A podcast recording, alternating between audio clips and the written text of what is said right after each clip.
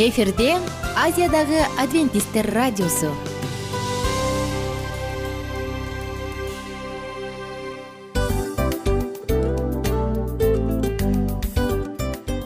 Достор салют. Баардык сүйүктүү угармандарыбызга салам айтабыз. Кутман күнүңүздөр менен. Ден соолук өмүрдүн булагы демекчи саламат саамы программасында баарыңыздарды көргөнүбүзгө абдан кубанычтабыз. Анда алгач амандашып өтөлү арбаңыздар деп. Ден соолугуңуздар кандай элибизде көбүнчө ден соолук кандай дегенде эле жакшы деп жооп беребиз э ооруп турсак дагы жакшы дейбиз. Анан мен муну айтып ойлойт элем бул абдан сонун сөз депчи анткени бул жакшы деген үмүт да э баары жакшы болот баары сонун. Деп үмүттөнүп атып эле өзүбүздү өзүбүз дарылап коебуз. Анысы кандай? Сиздин дагы ден соолугуңуз жакшы беш деген үмүттөбүз чындыгында ден соолук бул өмүрдүн булагы деп бекеринен айтылган эмес деп ойлойм. Кыргыз элинде анткени эгерде ден соолук жок болсо анда адамдын жашоосунда калган баардык керектүү маңыздуу нерселер өзүнүн баалуулугун жоготуп коет. Ошондуктан ден соолук бул эң керектүү нерсе. Ооба туура айтасың кесиптешим. Чынында ден соолугуң жок бир эки үч күн ооруп калсаң эле э кандай болуп калат? Жашоодо көз каранды болуп каласың көп нерсеге жетишпей каласың көп нерсени кыла албай каласың жада калса эшикке дүкөнгө да чыга албай каласың. Туптуура анан ден соолук болсо демек биз биздин бактыбыз тоодой деп койсок болот. Анда достор саламат саамы рубрикабызды баштайлы. Алдыда өзүңүзгө керектүү болгон сонун кеңештерди уга аласыздар. Мына ошондуктан биз менен бирге болуңуздар. Ал эми биз болсо милан жана айнура. Кеттик алга. Алга саламат саама ден соолуктун жарчысы. Саламат саама ден соолуктун ачкычы. Күн сайын сиз үчүн мыкты кеңештер сонун жаңылыктар кызыктуу фактылар. Биздин рубрикада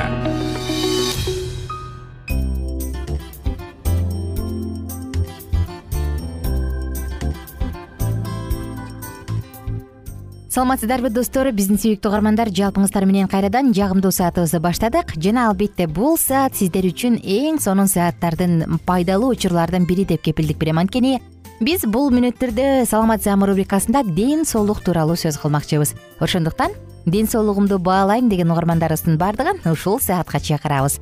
Саламат саамы сиздер менен бирге мен кызматты айнура жана бүгүн достор ичеги карынды тазалоо ичегилерди тазалоо программасы жөнүндө сөз кылмакчыбыз. Албетте бул баягы ичегилерди тазалоо дегенде клизма жасоо же болбосо жоон ичегини э, түз ичегини жууп коюу деген эмес. Бул андан дагы ашыгыраак көбүрөөк э, кандай десем аракетти күч аракетти жумшай туруучу программа э. Ошондуктан бүгүн сиздер менен сөз кылабыз албетте ичеги карынды тазалайм дегенде биринчи кезекте эле биз сууну керектүү өлчөмдө ичиш керек деп айтабыз. Анткени баягы ичеги карын ичегилер жакшы функциясын аткарыш үчүн жана алар таза бойдон болуш үчүн сөзсүз түрдө биринчи эле кезекте бизде өсүмдүк өсүмдүк э, негизинен алынган клетчатка керек эмеспи.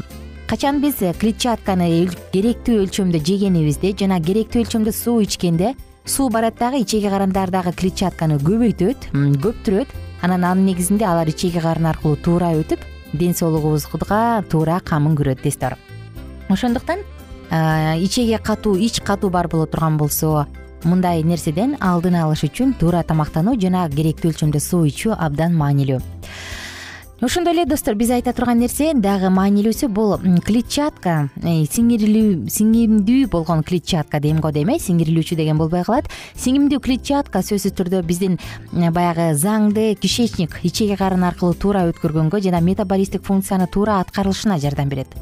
Ар кандай жакшы бактериялар баягы ичеги карында биз билебиз э жаман эле эмес жакшы дагы бактериялар бар экенин алардын баардыгы сөзсүз түрдө биринчи кезекте клетчатка менен тамактанышат. Ошондуктан биз жеген тамак ашыбыз витамин жана башка азык түлүктөрдүн баардыгы клетчаткага бай болсо анда сөзсүз түрдө организм керектүү өлчөмдө витамин ала алат жана ошону менен бирге инфекциялардан рак оорусунан дагы өзүн өзү коргой алат.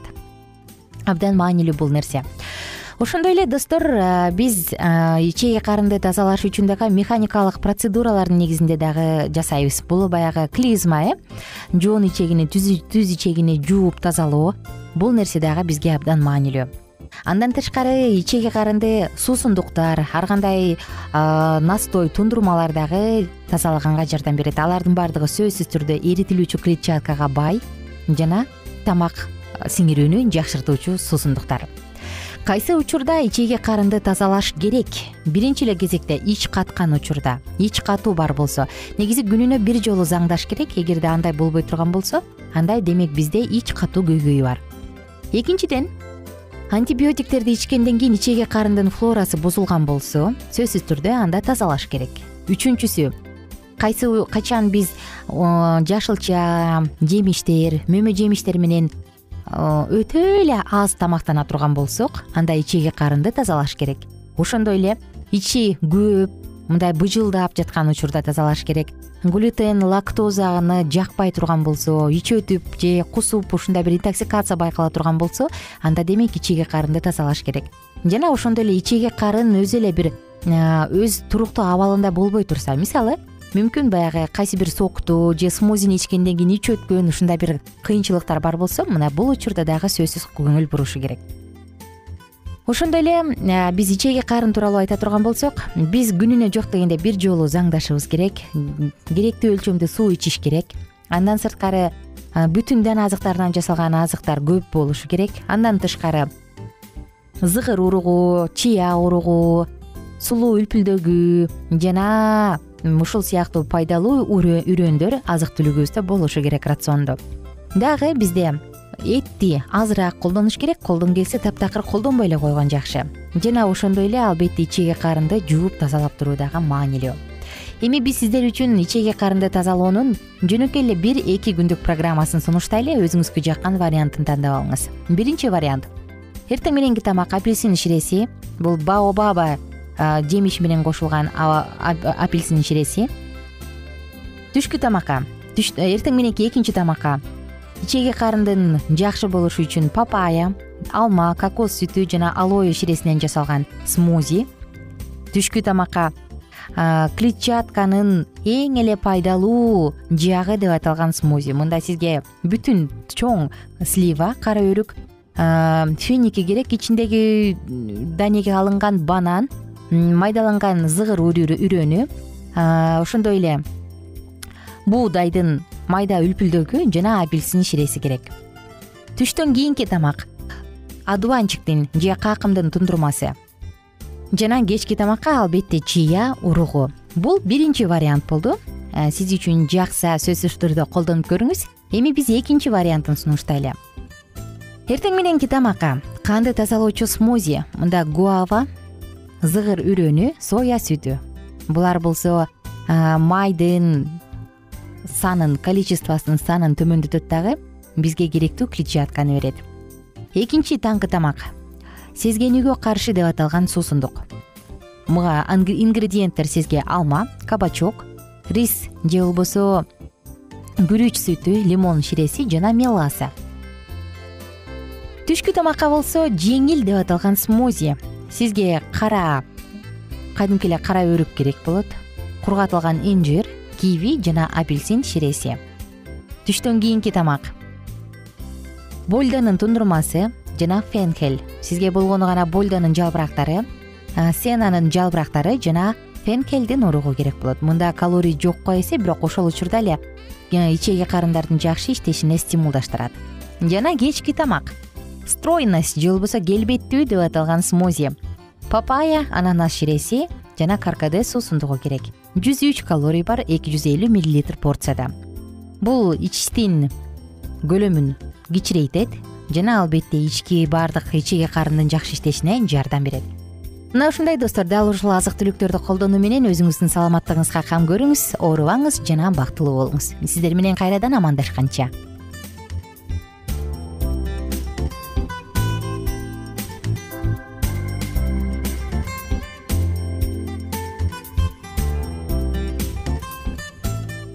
кененирээк маалыматтар үчүн үч w чекит саламат чекит клуб сайтына келип таанышыңыздар. Жана андан тышкары социалдык тармактарда youtube facebook жана instagram баракчаларына катталыңыз. Саламат саама ден соолуктун жарчысы. Саламат саама ден соолуктун ачкычы. Күн сайын сиз үчүн мыкты кеңештер сонун жаңылыктар кызыктуу фактылар. Биздин рубрикада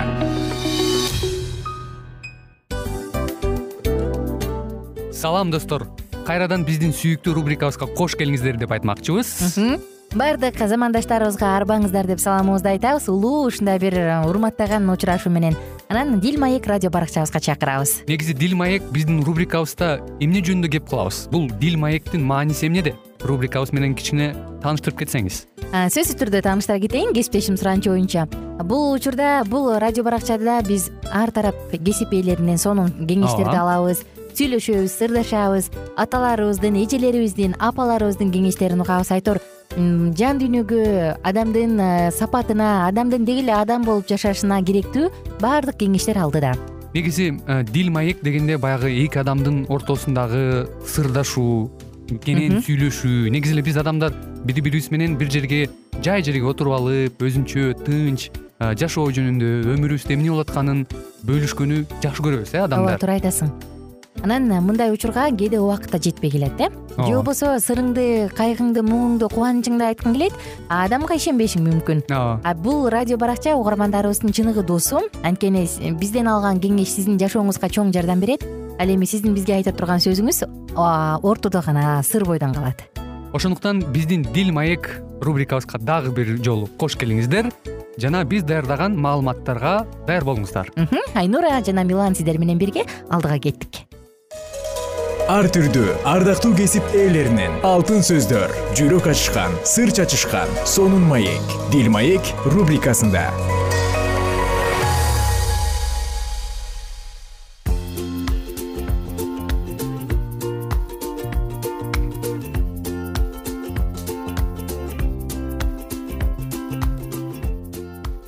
салам достор баардык угармандарыбыз менен амандашып биз кайрадан жагымдуу саатыбызды баштадык. Дил маек уктуруусуна кош келиңиздер.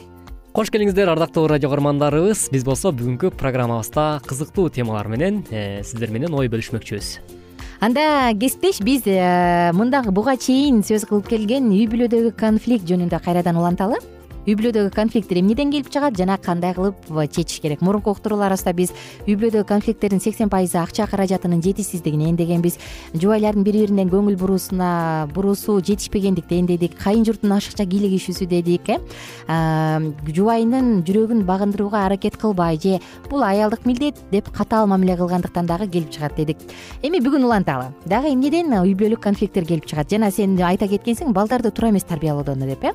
Балдарды туура эмес урушуп туура эмес тарбиялоодо же ашыкча кийлигишип ашыкча коргогусу келгенде дагы пайда болот дегенбиз. Ооба жогоруда кесиптешим айтып өткөндөй эле өткөн берүүбүздө биз ушул э, үй бүлөдө балдарды тарбиялоо жаатында дагы ата эненин бири бирине карата болгон э, мамилеси дагы мындай солгундай түшөт деген э, багытта айтып өткөнбүз. Негизи эле баягы балдарга тарбия берүү жаатында дагы көп эле конфликттер чыгат негизи элечи анткени мен көп үй бүлөлөрдөн байкадым өзүмдүн эле тууган уруктарымдын арасынан кичинекей кезимде баягы бала чакта өспүрүм кезде десем болот да. Менин бир байкем менен жеңем айылда. Көбүнчө ушу балдардын э, көйгөйүнөн улам экөө урушуп эле э, тытышып эле э, чырт чатак болуп эле жатып калышчу да. Анан байкачумун да эмне себептен булар урушат десем көрсө мындай балдарды дагы экөө мындай бөлүп алыптыр да мисалы беш баласы бар болчу. Бешөөнү бөлүп алышкан да анан бул менин балам бул сеники деп бул менин балам сенин балаң деп анан ошондон улам көп мисалы сен менин балама тийбе. Бирдеме болсо эле баягы жеңем айтчу да. Ал менин балам мага тийбе деген сыяктуучу э, мындай атасы кичине катаалыраак мындай баягы тарбия берейин деген эмеде э, өзүнүн оюнда өзүнүн ой жүгүртүүсүндө баягы катуураак мамиле кылып койсо э, тигини кылган болбойт муну кылган болбойт десе болушуп жатып калчу да. Ошонун негизинен улам анан экөө мындайча айтканда урушуп эле э, конфликт болуп калышчу да. Анан ойлойм ушундай э, көйгөйлөр бүгүнкү күндө ар бир эле кыргыз үй бүлөсүндө бар болуш керек депчи. Э, бар эмес эле бүгүнкү күндө болуп деле келатса керек. болуп эле келе жатат э? Ооба. Же болбосо бул кыз бала сен тарбиялашың керек деп аталар апасына түртүп берип коет. А бул эркек муну сен тарбияла деп туруп уулдарды атасына бөлүп берип коюшат да бул баягы автоматикалык түрдө болуп калат да кыз демек апасы тарбиялаш керек деп. Керек болсо мен айбада абдан таң калам кээ бир үй бүлөлөрдө кыз менен атанын ортосунда мамиле жок. Жөн эле атам атам а деп ал мындай кабагын бүркөп жүргөн катаал киши ага угузбаш керек ага айтпаш керек анан жалаң апасына келет да. Анан карап отуруп өкүнөм. Биздин мисалы мен өзүмдө мен атам менен абдан жакынмын. Менин атам абдан менин досум. Анан экөөбүз баардык маселеде сүйлөшүп олтура беребиз мен аны ал мени жакшы түшүнүп э, апамдан дагы мен атама көбүрөөк жакынмын да. Анан э, карап отуруп кыз бала үчүн атанын ролу атанын тарбиясы абдан маанилүү деп айтмакмын анткени кыз бала кийин турмушка чыкканда эркек менен жашайт да. Ооба ал ой бул катаал ой бул мындай деген эле эркек адам менен жашайт. Ошондуктан мамиле түзүүнү билиш үчүн кыз бала атасы менен мамилелешкенди билиши керек деп ойлойм да. Биз болсо угармандарыбыз менен чогуу улантып анда конфликттерди чечүүнүн ыкмасын айтпайлыбы. Кантип конфликт чечиш керек? Негизи эле конфликтти алдын алууга болобу негизи эле менин укканыма караганда кесиптеш ушул программага даярданып жатып айрым бир психологдордун кеңештерине көз чаптырып отурганда көбүнчө ушу конфликттин алдын алууда эркек мырзалар үй бүлөдө баягы жубайлардын ортосунда конфликттен эркектер көбүрөөк качканга аракет кылат экен да. Анткени айымдар жакшы көрөт деп кой. Айымдар болсо мындай э, ар бир маселенин э, баягы тамырын кармап ар бир маселеде ошол э, талкуу кылганга мындай жакын болушат экен өзүлөрү табиятынанчы а тескерисинче мырзалар конфликттен качканга өтө мындай жөндөмдүү келет экен да. Алар качканга аракет кылышат экен сен айтып атсаң мен эстеп кеттим. Мен айтам да маселе туулдубу аны көмүп койбой чечиш керек дейм да? сөзсүз түрдө тилекке каршы көп учурда баягы айрым учурда эркектер э, мырзалар э, ошо конфликттен качып мындай ой буну эптеп кулак мурдум тынч э, тынч эле отурайынчы анан үйдөн мындай качканга аракет кылат экен да көп учурда байкасаң мисалы өзүбүздүн жакын адамдарыбызбы тууган туушкандар деле мисалы байкелерибиз деле келинчеги менен кичине чыр чатак болгондо сөзсүз түрдө баягы эшикти жаап эле анан сыртка чыгып кеткенге аракет кылат да. Ошентсе дагы жакшы бирок улан булчу ооба бул жакшы жагы да бар. бул жакшы жагы. Бирок кээде өзүң айткандай баягы ошол көйгөй эмне себептен улам келип чыкты? Ошону мындай анализдебейт экенбиз да. Э, тилекке каршы биз кыргыздар көбүнчө ушундай экенбиз да. Баягы анализдеп эмне себептен экөөбүз урушуп кеттик? Сен жана айтайын эмне деген ойду айтайын дедиң элең? Дебей эле анан биз уруша берет экенбиз да. Ооба үнүбүз катуураак чыгып койсок биз маселе чечилет дегендей болот. Балким ошол эле учур сен айткандай э, жолдошу тонун катуураак чыгарып кое турган болсо эле сен мени сен мени урушайын дедиң деген сыяктуу сразу түшүнүк менен кабыл эле анан э, тултуңдап ултуңдап анан бири бирибиз менен урушканга аракет кылат жок антпеш керек экен да тескерисинче э, чечкенге аракет кылыш керек мен дагы ойлоп коем ушу конфликттердин келип чыккан себеби бул эки адам бири бирин жакшы тааныбагандыктан дагы болот болуш керек депчи анткени ал эмнени каалайт? Эмнени жактырат эмне кандай ойлонот? Негизи эле анын жан дүйнөсү кандай? Анын ой жүгүртүүсү анын баалуулуктары анын максаты кандай экенин билбегендиктен тиги адам барат да баягы бир сайылыптыр деп коет го. Бир тиет дагы катуу тиет дагы анан ушул себептен дагы мен ойлойм конфликттер келип чыгат деп мисалы ал жолдошума бул бул жагат ага мындай подход кылыш керек мындай мамиле кылыш керек деп туруп анын тилин таап айтса анда чын эле жолдошу туура кабыл алат. Эгерде келинчегин буга мындай жагат буга мындай сүйлөш керек деп туруп изденип туруп э менин атам көп айтат да үй бүлөлүк жашоодо бактылуу болгуң келсе изден депчи изденип ал адамды изилдеп ал адамга кызыгуу жарата турган болсоң анда жакшы. Кээде карап отуруп баягы үй бүлөдө жубайлар үйлөнгөнгө чейин бири бирине ашыгуусу артат бири бирине ой бул моундай адам дейт. Анан баягы жеткенден кийин алгачакты алтыным алгандан кийин катыным деген чын эле реалдуу жашоодо болуп калганда анда келишпестиктер чын эле көбөйө баштайт да. Эгерде алганга чейин алтыным алгандан кийин жаным боло турган болсо мен ойлойм тескерисинче анда көп конфликтти пайда кылбай деле койсо болот депчи кандай дейсиң? Албетте сөзсүз түрдө сенин оюңа мен дагы кошулум э, кошулуп кетем. Э, мына жакында эле алыска барбай эле мына үч төрт күн мурда мен дагы бир атайын бир э, ушу үй бүлө багытына арналган семинарга катышып келдим. Ошол жерден бир америкалык үй бүлө жаатында тажрыйбалуу адам элүү сегиз жыл келинчеги менен өмүр сүрүптүр да. Анан ал ушунчалык мындай суроо бердим да ушу элүү сегиз жыл никелик жашоону кантип мындай көйгөйлөр албетте болду болуш керек. Бирок кантип мындай никеңизди таза сактап калдыңыз ажырашып кетпей э, көптөрү мындай ажырашып кетет го биринчи экинчи аял алат го сизди кантип сактап калдыңар десем ал айтты да ошол жогоруда сен өзүң айткандай эле айнура мисалы атам айтат деп атпайсыңбы изденүү керек депчи. ал киши айтат көбүрөөк бул үй бүлөдө э, мисалы үй бүлө кургандан кийин сен көбүрөөк изденүүдө болушуң керек э, деген ушул эле ойду кийинки уктуруда уланталы э ооба сиздер менен кайрадан амандашканча убактыбыздын соңку мүнөттөрү ар түрдүү ардактуу кесип ээлеринен алтын сөздөр жүрөк ачышкан сыр чачышкан сонун маек дил маек рубрикасында.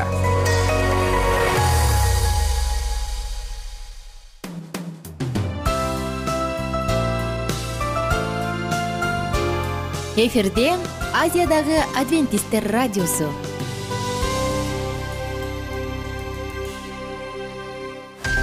жан дүйнөңдү байыткан жүрөгүңдү азыктанткан жашооңо маңыз тартуулаган жан азык рубрикасы.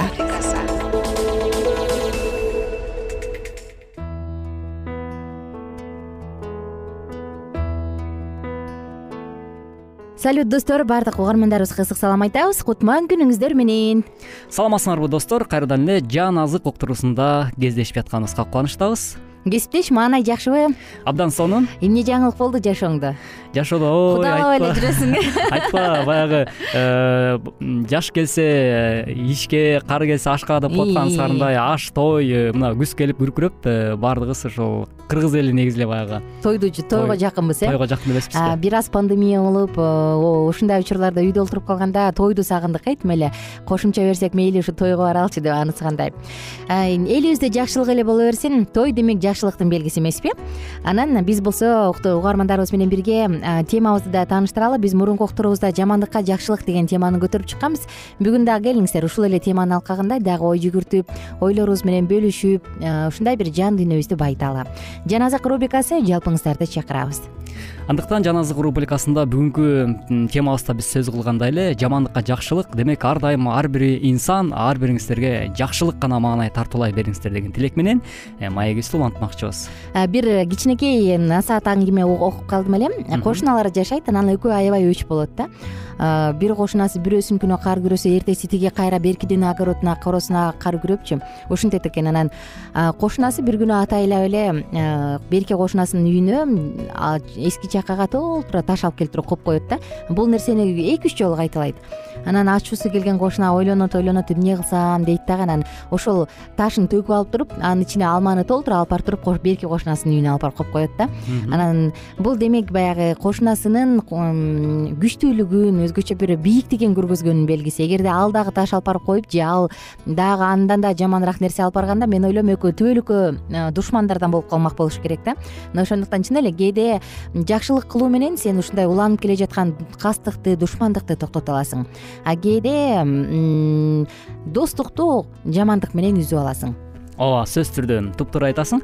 Ошондуктан элибизде дагы эзелтеден айтылып келген улуу сөз бар эмеспи? Баягы э, жакшы сөз бул жанды эргитет дейт. Ал эми жаман сөз жан кейитет демекчи чындап эле биз бүгүнкү учурда ушул акыркы убакытта бул чоң эле көйгөй. Анткени э, жакшылык кылгандын ордуна тескерисинче биз жамандыкты көбүрөөк кылып алабыз. Э, кандай ойлойсуң? Негизи эмне үчүн бизге жакшылык кылуу оңой оорураак болот? Эмнеге адамдарга жакшылык кылуу оор? Эмне себептен өзгөчө акыркы учурларда э биз мурунку уктуруубузда да айта кеткенбиз. Эмне себептендир? Э, эгерде кимдир бирөө жардамга муктаж болуп турса эптеп эле бербештин амалын кылып аны жамандайбыз анын кемчиликтерин издеп табабыз. Шылтоо табабыз да кыскасы бербештин айласын кылыпчы баягы бербестин ашы бышпас болуп. Эмне себептен биз мындай жакшылыкка жарды болуп баратабыз менимче баягы бул тарбиядан эле го деп э, ойлойм да. Анткени э, ушул кыргыз элине алыска барбай эле кыргыздардын өзгөчө бир э, биздин мындай башка эме баягы бул жерден бөлүүчүлүк болбосун.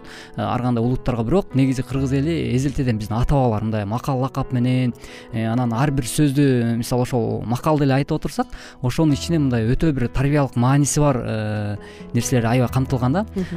Мен ойлойм ошо илгери биздин ата бабалар өзгөчө бир мындай уул кыздарын ошол макалдын негизинде тарбиялап анан өздөрү да үлгү болуп келген депчи. Өздөрү ошол айткан нерсесин жашоосунда аткарган да. Аткаргандыктан улам э, улам э, демек балдары дагы ошого мындай моюн сунуп баш ийип анан тил алчаактык менен мындай мамиле кылып анан ушу ыймандуулукка ынсаптуулукка мындай үйрөнүшкөн депчи. Акыркы убакытта мисалы кандай болуп калды? Азыркы жыйырма биринчи кылымш шартында тескерисинче баягы глобалдашуу доордо жашап аткандыктан биз мындай ааламдашуу деп коелу кыргызча айтканда. Ушул учурда чын эле биз мындай ар кандай сырт жактан келген э, э, тарбиялык бир мындай бизге биздин маданиятыбызга терс болгон нерселерди мындай э, улуттук колоритке сиңирип алгандыктан бүгүнкү күндө ушундай көйгөйлөр жаралып отурат го деп мен ойлойм да. Себеп дегенде ар түрдүү мисалы сырттагы маалыматтарды алып атат да. Бүгүнкү күндө ушул интернет аркылуу ар кандай барып келип атабыз э? Ооба. Катташып атабыз. Анан ошондон улам биздин мындай маданиятыбызга бир өзүнүн Э, чоң мындай терс таасирин тийгизип атат деп мен ойлойм да. Бүгүнкү учурда мисалы карап көрсөк э, ошол эле улуубун өкүлдөрү дейбиз. Өзүлөрү айтат бир нерсе. Тарбиялык маани мисалы жөнөкөй эле бир мисалды алайын. Э, мисалы агаларың эй тамеки чекпе деп баласына тарбия берет да. Мына бирок карап турсаң өзү тамеки чегет да. Айтпа. бул нерсе мисалы барып барып эле мисалы баласы сыйлабайт ата сен деле чегип атпайсыңбы мен деле чегем деген сыяктуу эмне эле дейт э же болбосо сөгүнбө деп айтат. Жаман сөз сүйлөп оозуңа жаман сөз алба дейт дагы. Өзү эле эшикке чыкканда бирөө менен э, кайым айтышып кайым айтышат. Анан ошондон улам мындай тарбиянын жоктугунан эле болуп атат го деген ой кыскасы. Жакшы жакшы ой айттың. Негизи ар бир элдин өзүнүн менталитети өзүнүн баалуулуктары өзүнүн көз карашы өзүнүн дили болот эмеспи э баягы дин дегенди айткым келген жок бирок ар бир адамдын өзүнүн дили болот э? Анан ал нерсени качан биз жогото баштаганда бул улуттун баалуулугун жогото баштайбыз да чындыгында. Мен дагы бир нерсени ойлоп атам. Бир сонун сөздөр бар эмеспи э замандын акырында ушул акыркы учурларда жоктугунан сүйүү ушундай абийирсиздик көбөйүп кеткендиктен тартипсиздик көбөйүп кеткендиктен сүйүү кайта баштайт депчи биз мен ойлойм жакшылык кыла албаганын себеби жүрөгүбүз кенен эмес сүйгөндү билбейбиз жакшы көргөндү билбейбиз. Эгерде сүйгөн адамың муктаж болуп турса сен эч нерсени карабай чуркап барып колуңдан келишинче жакшылык кыласың го а бизде ушундай бир сүйүү сезими ушул нерсе жок болуп бара жаткандыктан ыймансыздык көбөйүп бара жаткандан тартипсиздиктин көбөйүп бара жатканынан бизде жакшылык кылуу дагы азайып баратабы деп ойлойм да кээдечи. Мисалы кыргыз эли жогоруда сен айткандай эле кудай деген эл го башынан эле кудай деп кудайды урматтап келген кудай деген эл. Бирок ошого карабастан акыркы учурда байкап турсаң чындыгында бул нерсе азайып бара жатат анан кийин э, кудай дегендер да азайып бара жатабы же айтор эмне жан дүйнөнүн кризиси болуп жаткандыктан биз жакшылык кылууга дагы мындай өтө эле сараң болуп калдык окшойт. Топтуура айтасың кандай дейсиң? Ооба чындап эле э, акыркы убакытта ар бир э, баягы масштабтуу түрдө десек болот чындап эле адамдардын жан дүйнөсү руханий абалы мындайча айтканда мындай жакырланып баратканын мисалы сыртка чыкканда эле биз мындай күндө эле көрсөк болот да. Э, жөнөкөй эле мисалы коомдук унаада өзүңүн ооба. буга чейинки программабызда айткандай коомдук транспортто кетип баратып эле бирөөнүн бутун басып алсаң тим эле айтпаган сөздү айтып. Жеткен жериңе чейин тил угуп барасың кечирип койчу деген сөз оозуңан чыккычак деле э, ушундай нерселер болот эмеспи достор жалпыңыздар менен коштошчу учурга келдик. Э, убакыт учкан куш экен биздин карамагыбызда болгону он беш гана секунддук убакыт калды. Кийинки уктурууда теманы андан ары улантабыз. Кымбаттуу угармандар кийинки уктуруудан үн алышканча амандыкта туруңуз.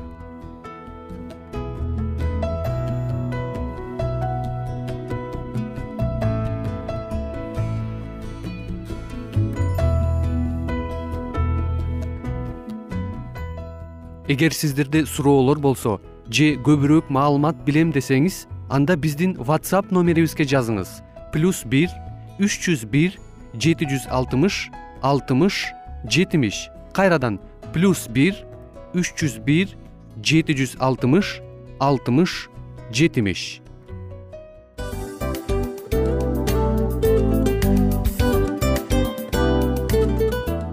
Достор биздин радио баракчаларыбыз соңуна келди. Демек бул программабызды дагы жыйынтыктачу учур келдик учурга келдик. Анан кесиптешимден сурагым келип турат. Негизи эле иштин башталып атканы кубандырабы сени же жыйынтыгы кубандырабы албетте жыйынтыгы. Себеп дегенде сен кылган ишиңдин жыйынтыгын көрүп э, баягы мөмөсүн көрүп дегендей жыргайсың жүрөгүң жемишинен тартып э? Кандай даамдуу деп. Баягы буудай сепкенде эмес буудай эгинди жыйнагандан кийин ысык нанды жегенде кадимкидей ырахаттанасың го. Ой айтпа туура айта кеттиңиз. Сонун салыштыруу болду анан мен дагы абдан кубанып турам. Анткени биз угармандарыбыз үчүн аябай эмгектенип келген уктуруубуздун соңуна келип калдык анан эми уктуруубуздун соңунда угармандар кандай пайда алып калды экен деп күтүп турам да. Балким э, менин жашоомо өзгөрүү киргизе турган сонун сөздөр болду. Мен ушул нерсени изилдеп анан кабыл албасам ушул нерсени кылбасам деген чечим чыгарсаңыз анда биз абдан кубанычтабыз. Сөзсүз түрдө. Андыктан кийинки биздин кызыктуу уктурууларыбыздан көрүшкөнчө сак саламатта калыңыздар. Чыдамсыздык менен сиздерди мен милан жана кесиптешим айнура күтөбүз. Баардык угармандарыбызга ийгиликтүү күн каалайбыз качан гана болбосун уртуңуздан жылмаюу кетпесин үйүңүздө көмүр жүрөгүңүздө көңүл болсун дейли